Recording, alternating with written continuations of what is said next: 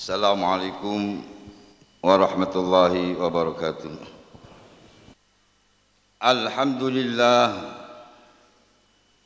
الحمد لله الذي وفق من شاء من خلقه بفضله ورحمته وخذل من شاء من خلقه بمشيئته وعدله وأشهد أن لا إله إلا الله وحده لا شريك له. وأشهد أن محمدا عبده ورسوله. اللهم صل وسلم وبارك على سيدنا ومولانا محمد بن عبد الله وعلى آله وصحبه ومن تبعهم بإحسان إلى يوم القيامة. أما بعد فيا أيها الحاضرون رحمكم الله. أيها الإخوان أوصيني نفسي وإياكم بتقوى الله بتقوى الله وطاعته القائل في محكم كتابه الذين يذكرون الله قياما وقعودا وعلى جنوبهم ويتفكرون في خلق السماوات والأرض ربنا ما خلقت هذا باطلاً. سبحانك فقنا عذاب النار Jamaah Jum'ah yang dimuliakan Allah Dalam suasana pandemi COVID-19 yang belum mereda Suasana masih menghantui kita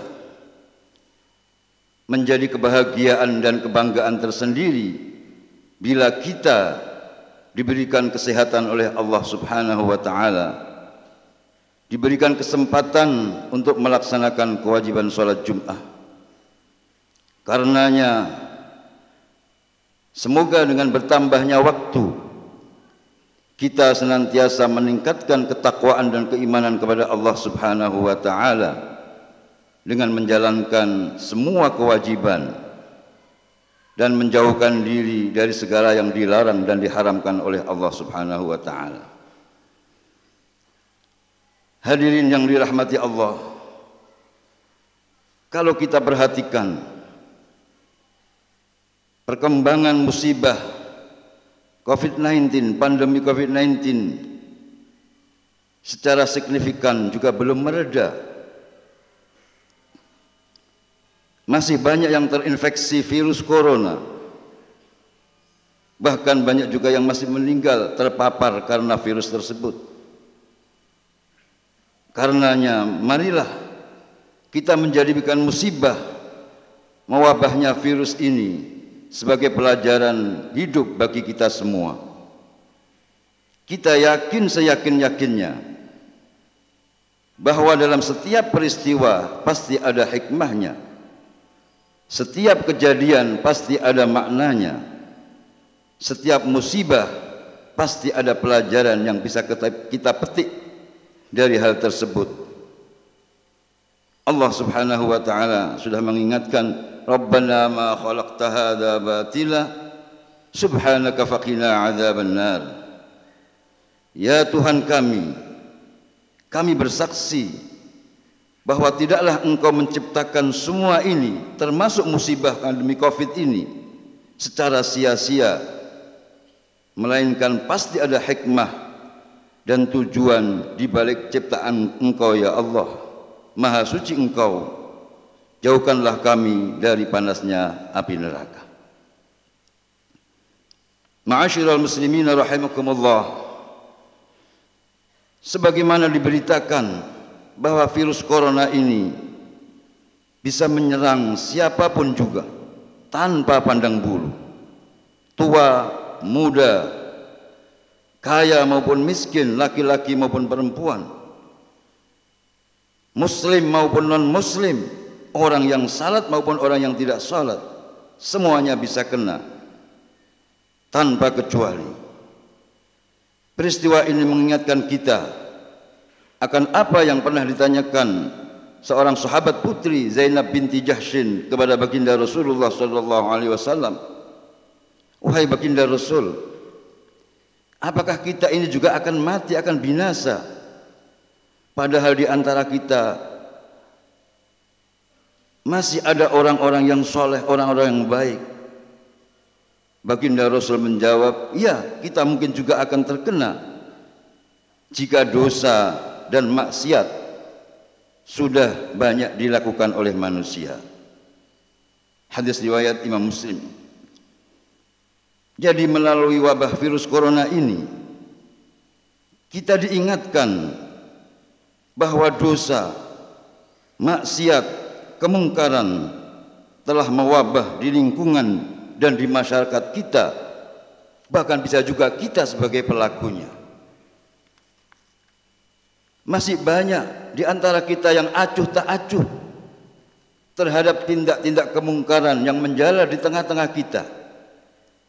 Kemungkaran, dosa dan maksiat itulah yang mengundang adab Allah kepada kita dengan adanya musibah pandemi Covid ini.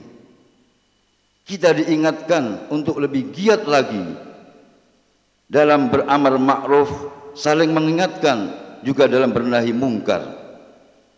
Tentu amar ma'ruf kita harus dilandasi dengan ilmu sehingga kita dapat beramar ma'ruf dengan cara yang ma'ruf dengan cara yang baik dan bernahi mungkar dengan cara yang tidak mungkar.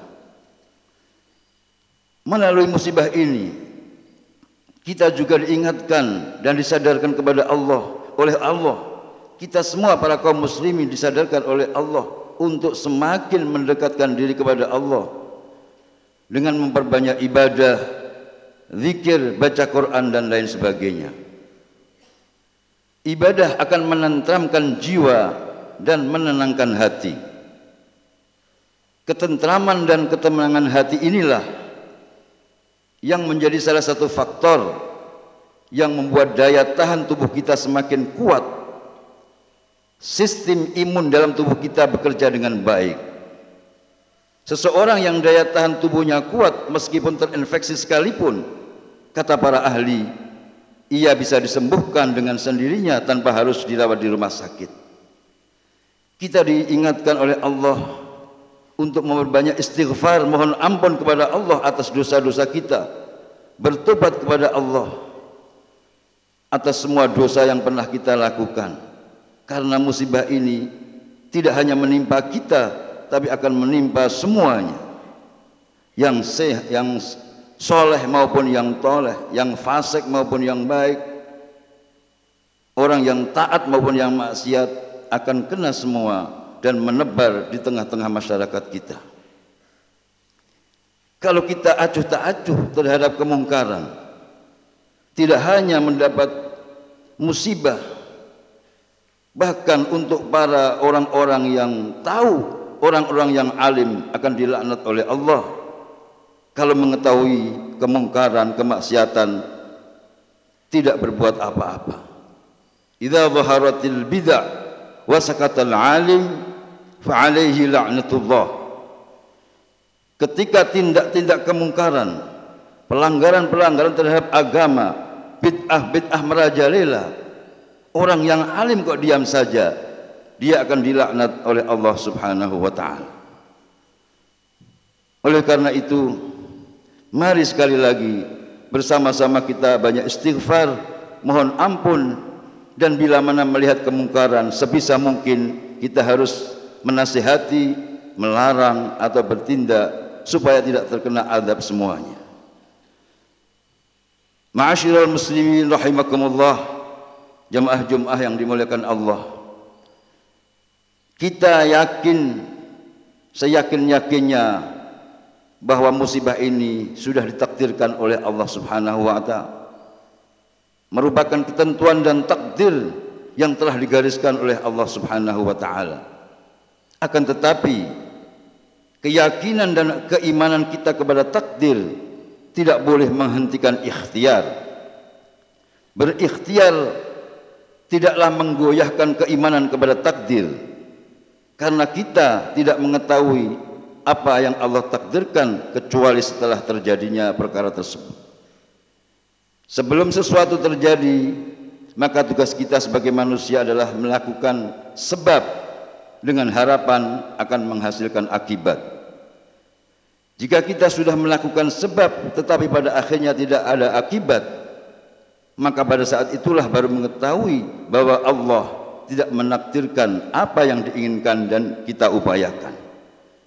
Tugas selanjutnya, apapun yang terjadi, harus selalu berikhtiar, baik zahir maupun batin, dengan protokol kesehatan, dengan berdoa, dengan istighfar. Kita berharap semoga dalam waktu yang tidak lama Allah akan mencabut wabah musibah yang melanda tidak hanya kita namun sudah seluruh dunia mengalaminya. Oleh karena itu, sewaktu di Damaskus terjadi wabah yang dahsyat, saat itu Sayyidina Umar bin Khattab telah menuju ke sana. Begitu mendengar berita itu, beliau memutuskan untuk kembali ke Madinah. Salah seorang sahabat menanyakan, Kenapa kembali wahai khalifah? Apakah kita tidak berarti lari dan menghindar dari takdir? Kata sahabat tersebut Sayyidina Umar menjawab benar kita menghindar dari suatu takdir Allah untuk menuju takdir Allah yang lain artinya harus tetap berikhtiar menghindari tidak boleh menjerumuskan diri ke dalam kebinasaan Ma'asyiral muslimin rahimakumullah di antara hikmah lagi pelajaran bagi kita semua adanya musibah ini menggugah mengingatkan kepada setiap individu kaum muslim untuk selalu menjaga kesucian dan kebersihan. Penelitian membuktikan bahawa menjaga kebersihan adalah salah satu tindakan preventif yang efektif untuk menangkal berbagai virus, kuman, bakteri yang membahayakan tubuh.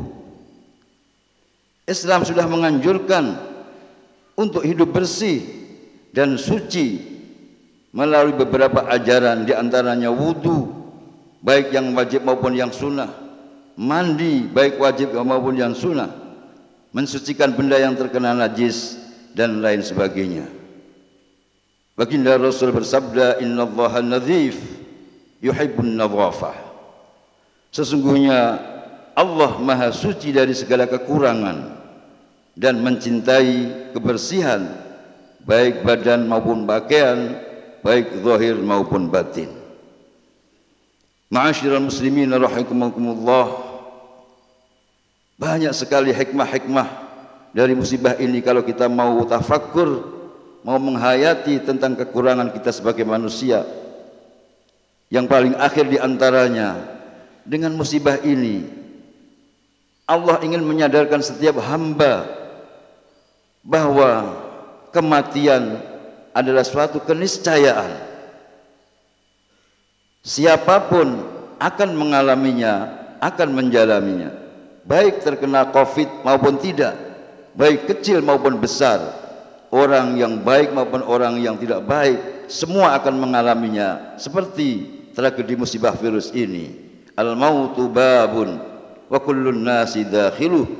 Kata Rasul, kematian ibarat pintu siapapun akan memasukinya suka atau tidak suka ikhlas atau tidak ikhlas ketika ajal telah datang kita tidak bisa menghindar tidak bisa memajukan maupun mengakhirkan. Tinggal kita sudah sejauh mana persiapan untuk menghadapi ajal untuk menghadap Allah Subhanahu wa taala. Hadirin yang dimuliakan Allah Demikian sekelumit dari hikmah-hikmah yang bisa kita petik atas musibah yang melanda kita pandemi COVID-19 virus corona. Semoga bermanfaat dan menambah penghayatan kita keyakinan kita terhadap ajaran Allah Subhanahu wa taala. Qala Allah taala wa huwa asdaqul qailin. A'udzu billahi minasy syaithanir rajim. Bismillahirrahmanirrahim. ما أصابك من حسنة فمن الله وما أصابك من سيئة فمن نفسك وأرسلناك للناس رسولا وكفى بالله شهيدا. أقول قولي هذا وأستغفر الله لي ولكم فاستغفروه إنه هو الغفور الرحيم. اللهم صل وسلم على سيدنا محمد وعلى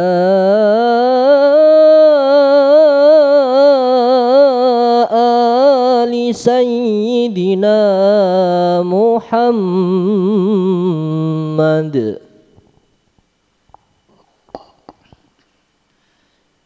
الحمد لله نحمده ونستعينه ونستغفره ونعوذ بالله من شرور أنفسنا وسيئات أعمالنا. من يهده الله فلا مضل له ومن يضلل فلا هادي له. وأشهد أن لا إله إلا الله وحده لا شريك له وأشهد أن محمدا عبده ورسوله. اللهم صل وسلم على سيدنا محمد الصادق الأمين وعلى إخوانه النبيين والمرسلين وعلى بقية الصالحين.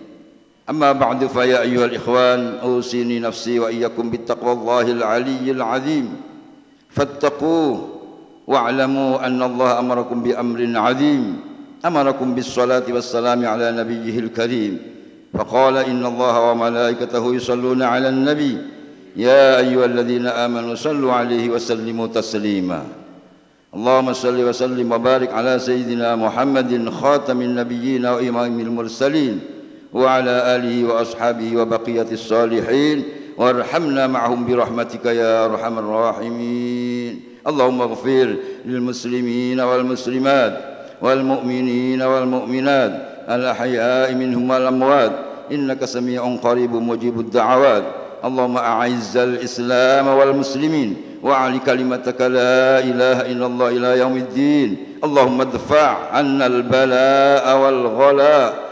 والوباء والطاعون والفحشاء والمنكر والبغي والسيوف المختلفة والشدائد والمحن والقران والفتن ما ظهر منها وما بطن من بلدنا هذا إندونيسيا خاصة ومن بلدان المسلمين عامة يا رب العالمين ربنا أتنا في الدنيا حسنة وفي الآخرة حسنة وقنا عذاب النار عباد الله إن الله يأمر بالعدل والإحسان وإيتاء ذي القربى وينهى عن الفحشاء والمنكر والبغي يعظكم لعلكم تذكرون فاذكروا الله يذكركم واشكروه على نعمه يزدكم ولذكر الله أكبر.